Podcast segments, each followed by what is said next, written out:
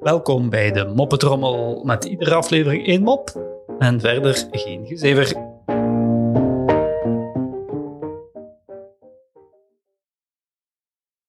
De man zit bij de psychiater. Hij heeft last van een steeds terugkerende nachtmerrie.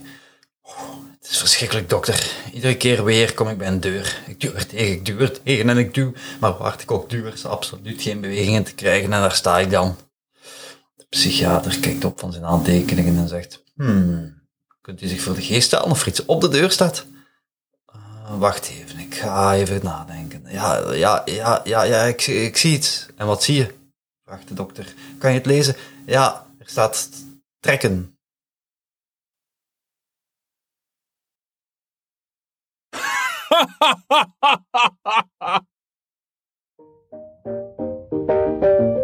Zo, dat was de moppetrommel voor vandaag. En tot morgen.